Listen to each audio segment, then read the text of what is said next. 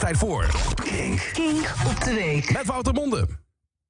Een paar jaar terug begon een trend die ik niet snap. Jongeren met perfect zicht begonnen opeens brillen te dragen. Grote monturen met vensterglas erin. Vaak goudkleurig en veelal vormeloos. Lekker ironisch doen alsof je anders niet goed kan zien. En er is niks tofs aan slechte ogen hebben. Ik draag al 20 jaar lenzen en ik hoopte dit jaar eindelijk mijn ogen te laten lezen. Maar ik hou mijn geld nog even op zak. Omdat de prijs van energie nu zo hoog is... dat ik vermoed dat ze wordt opgewekt door een eenhoorn op een fiets met een dynamo. De mode volgde de brillen. En allerlei trends uit de jaren 80 maakten hun comeback. Oversized shirts en truien, grote witte sneakers en hoge broeken. En om het helemaal af te maken kwamen er recent nog een paar onderdelen bij. Ponies. En dan bedoel ik geen paarden in snackformaat... maar het kapsel dat je krijgt als je tegen de kapper klaagt... dat je wel anticonceptie wil gebruiken... maar geen zin hebt in gedoe met condooms of de pil. Nou, dan knipt de kapper een lullig bloempotkapsel... maar alleen aan de voorkant van je hoofd. En voilà!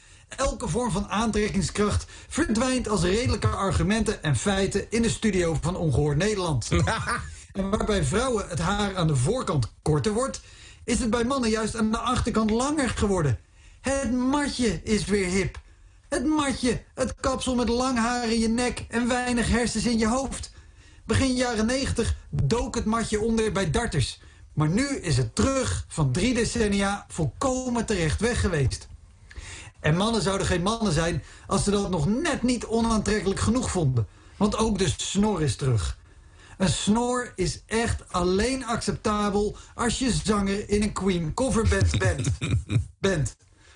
De groep jongeren die in de kracht van hun leven zijn... en er op geen enkel moment beter uit zullen zien dan nu... doen hun uiterste best om er juist lelijker uit te zien dan ooit. En waarom? En ik weet dat ik klink als een boomer. En natuurlijk, doe en draag waar je je goed bij voelt. Maar echt, dit wil je toch niet? Google even op kringverjaardag jaren 80. Over 25 jaar scroll je door jouw tijdlijn... en dan zien jouw foto's er precies zo uit. Maar dan veel scherper en dus nog veel pijnlijker. en alsof het nog niet erg genoeg was... dat we de kleding en de haardracht uit de jaren 80 terug hebben... hebben we ook de financiële crisis van toen weer terug. Nogmaals, waarom? Niemand heeft ooit nostalgisch teruggedacht aan collectieve armoede... Ah, weet je nog dat we geen cent te makken hadden? Hé, gezellig. Sinds deze week is er nog iets typisch jaren 80 terug. Ook iets waar niemand ooit met heimwee op terugkeek. Nucleaire dreiging vanuit Rusland. Poetin schroeft de oorlog in Oekraïne verder op en dreigt met kernwapens. In zijn megalomaanheid lijkt hij steeds meer op Hitler. Op één ding na. Zelfs Poetin, de foutste man van dit moment ziet in dat de snor echt niet meer kan. en als we dan toch van alles uit de ethisch terug laten komen... laten we dan ook maar all the way gaan. Dan wil ik ook weer algemene beschouwingen die uitblinken in saaiheid. En die gaan over de inhoud. En niet over de gestoorde uitspraken van een kooksnuivende Kremlin-ambassadeur.